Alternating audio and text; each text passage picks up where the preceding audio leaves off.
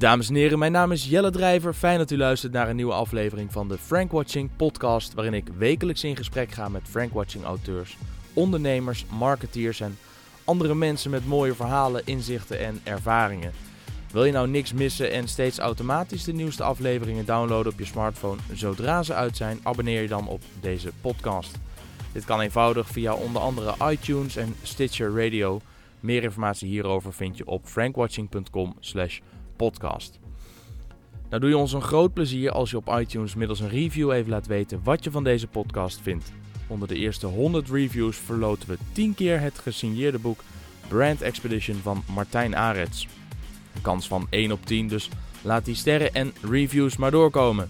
Dan nu over op de inhoud. Samen met zijn compagnon Eddie Borgers heeft Frankwatching-auteur Ralf Wolbrink in 2008 het bedrijf Pure Internet Marketing opgericht. Hij heeft onder meer als online marketing specialist gewerkt voor Zoever, Weer Online en Speelgames. 365 dagen per jaar is Ralf bezig met het internet en met name met zoekmachine Google.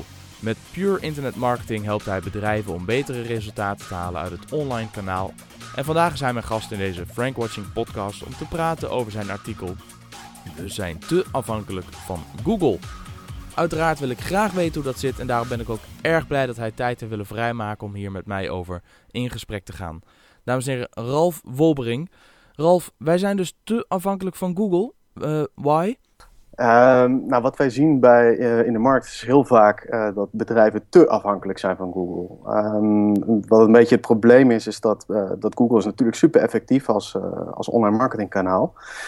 Um, maar er liggen ook wel wat gevaren op de loer wanneer je daar als bedrijf zijnde te afhankelijk van wordt. Als jouw hele businessmodel daarop ja, echt, echt afhankelijk van wordt, er zijn wel dingetjes waardoor het gewoon mis kan gaan en je, je daardoor je omzet kunt uh, verliezen. Oké, okay, en wat, wat kan er dan bijvoorbeeld misgaan? Welke voorbeelden kun je daarvan geven? Um, nou, een van de dingen wat, wat Google uh, veel mee bezig is, is het, is het verbeteren van, van de zoekresultaten. En wat ze daarbij doen is ook gewoon simpelweg zelf uh, meer informatie tonen. Um, een voorbeeld daarbij is, is bijvoorbeeld uh, voor weerbedrijven. Wanneer je zoekt op weerbericht Arnhem bijvoorbeeld, dan geeft Google tegenwoordig al in, in zoekresultaten al gelijk in één oogopslag weer voor de, voor de eindgebruiker wat het weerbericht wordt voor de komende tijd. En als jij als weerbedrijf zijnde afhankelijk bent van, van zoekresultaten op, op dat soort keywords, ja, dan ga je nu gewoon een heleboel traffic verliezen. Ja, oké, okay, dus op die manier te afhankelijk van Google, omdat bijvoorbeeld in dit geval Google zelf concurrent wordt van, van, van jouw bedrijf of van jouw business. Ja, exact. Nou, dat is een van de voorbeelden. Je hebt het in je artikel heb je het over vier mogelijke bedreigingen voor jouw Google traffic. En uh, als ik het goed heb begrepen, bedoel je dan met name bedrijven die al hun traffic en dus klanten geïnteresseerden via Google naar hun eigen website trekken om daar vervolgens conversie te realiseren. Ja, ja één hebben we net over gehad. Als Google dan concurrent wordt uh, en je krijgt daardoor minder traffic, dan zal ook het resultaat uh, mogelijkerwijs droppen. Uh, ja. Maar je hebt er nog een aantal genoemd. Uh, onder andere op het Google strafbankje. Daar begin je artikel mee. Ja, dat klopt. Ja, wat Google heel erg mee bezig is, is uh, ja, bedrijven die trucjes proberen uit te halen of de zoekmachine om de tuin te leiden. Don't fool um, Google. Exact. Ja. En als je dat in het verleden bijvoorbeeld heel veel hebt gedaan, door middel van het, het inkopen van links bijvoorbeeld, uh, of andere trucjes hebt uitgehaald, dan kan het zijn dat Google je simpelweg straft. En dat kan ook zijn zaken die, die, die ver in het verleden zijn gebeurd. Dus jij als online marketeer net ergens terecht bent gekomen. En vijf, zes jaar geleden is er massaal zijn de links ingekocht. Dan kan het zijn dat je daar nu nog steeds een, een, een penalty door kunt gaan krijgen. En als jij heel erg afhankelijk bent van het organische verkeer, dan doet dat natuurlijk weer heel erg veel pijn. Ja, ja, wat met name je zegt, uh, als je in het verleden veel links hebt ingekocht. Ik kan me nog herinneren dat je werd echt om je oren geslagen met alle aanbieders van uh, linkbuilding bedrijven die volgens de richtlijnen van Google links konden beelden. en voor een paar euro had je, ik weet niet hoeveel backlinks. Maar wanneer moet je je zorgen maken als bedrijf? En als je dat misschien in het verleden hebt gedaan, kun je dat dan nu nog rechtzetten voordat je op dat strafbank terechtkomt?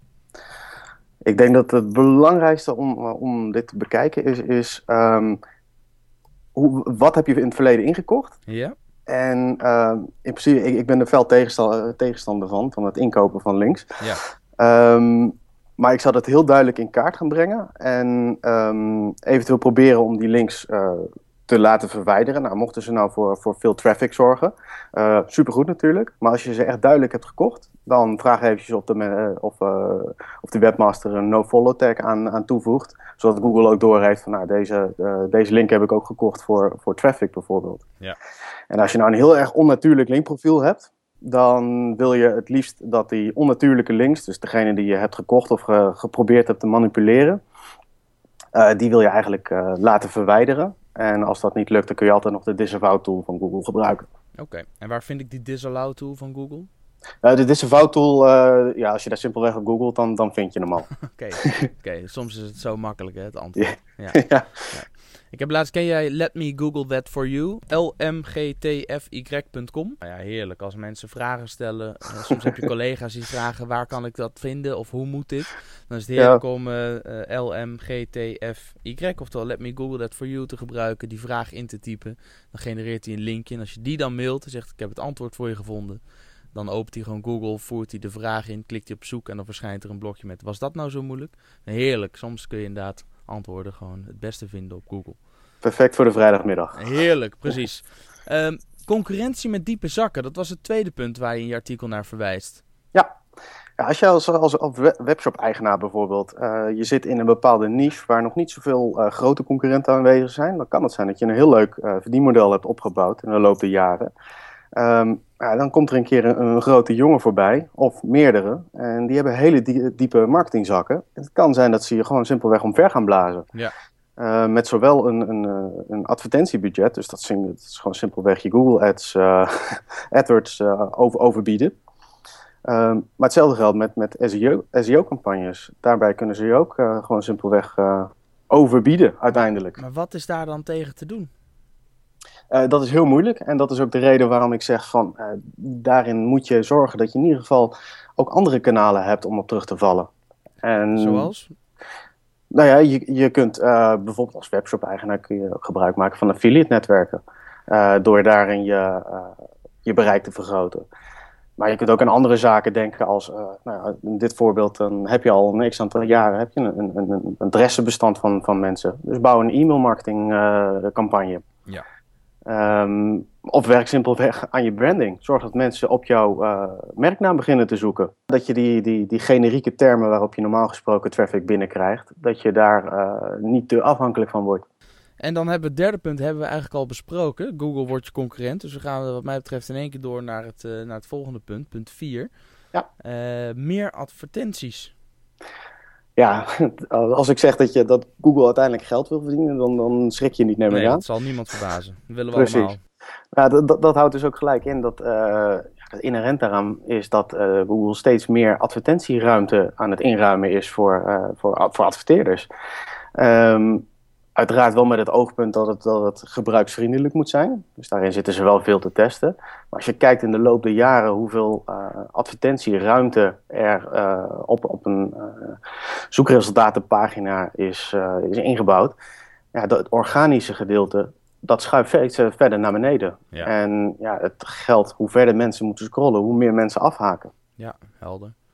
Oké, nou je zegt ook uh, daaronder, er is gelukkig meer dan Google. Je noemt een paar dingen. Branding hebben we het over gehad. Um, onder andere zeg je ook e-mail marketing. Dat noemde je net ook. Bouw zelf een adressenbestand op. Maar je zegt ook of maak gebruik van een nieuwsbrief van een interessante partij. Hoe ja. zou je dat bijvoorbeeld, uh, hoe zie je dat? En, en, heb je daar ervaring mee? Nou, stel ik, uh, ik, ik heb een, een, site waarop je hotels kunt boeken. Ja. En ehm, dan kan ik ook partijen zoeken die eh, mogelijk in geïnteresseerde mensen in hun adressenbestand hebben. En dan denk ik bijvoorbeeld uh, een Zoever bijvoorbeeld. Heeft een heel groot adressenbestand met mensen die geïnteresseerd zijn in vakanties. En op die manier kun je ook relevante uh, traffic inkopen.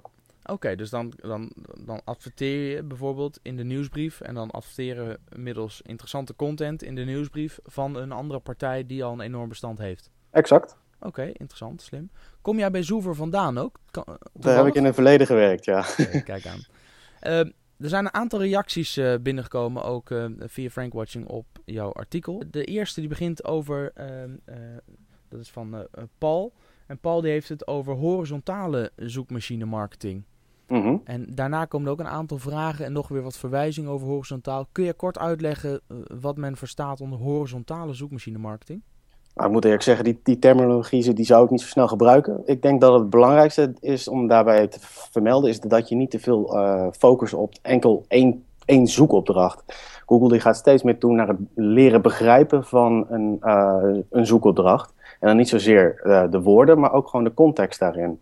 En die leert ook, naarmate jij meerdere dingen aan het zoeken bent, uh, kan een zoekmachine steeds meer leren. Dus zodra je je alleen focust op dat ene uh, Hotel Barcelona bijvoorbeeld, Ja. um, dat is prima. Maar Google die gaat steeds verder en die begint ook te begrijpen als jij uh, begint met Hotel Barcelona en daarna autohuur bijvoorbeeld. Ja. Dan weet Google al van hey, die gaat waarschijnlijk naar, naar Barcelona. Ja, oké. Okay. Dus en, en wat je daar dan aan kan doen is bijvoorbeeld je content daarop afstemmen. En zorgen dat je pagina's hebt waarin je bijvoorbeeld spreekt over uh, jouw hotel in Barcelona en uh, welke autoverhuurbedrijven daar in de buurt zit of zo. Kan ik, moet ik ja, zo ik, zien? ik zou veel meer denken richting, richting onderwerpen voor per pagina. Oké. Okay. Bijvoorbeeld Hotel Barcelona, honden welkom. Ik noem even. Ik ja, bijvoorbeeld. Ja. Met kinderen. Oké. Okay. Ja. Oké. Okay. Rowin Winkels die uh, zegt over punt 2: grote partijen met veel marketingbudgetten blazen kleine ondernemers voorbij, omdat, uh, vooral omdat de kleine ondernemer niet goed genoeg nadenkt over de onderscheidendheid of hun onderscheidendheid. Ja. Daar kun je daarin vinden en wat, wat kun je daar dan ja. Nou, in, in, sommige gevallen is het, uh, is het helaas wel zo dat wat kleinere partijen niet, uh, niet heel helder hebben van waarom zij bestaansrecht hebben ten opzichte van die grote partijen. En dat kan simpelweg al zijn doordat je gewoon expert bent op dat vlak waar, uh, waar jij je op richt. Dus als jij in een niche zit, dan kun je juist daar de beste in zijn. En dat kan een, een generalist wat minder natuurlijk. Ik ben wel benieuwd als je nou aan de luisteraar één tip zou moeten meegeven om te voorkomen dat hij te afhankelijk wordt van Google. Hoe zou die ene tip dan luiden?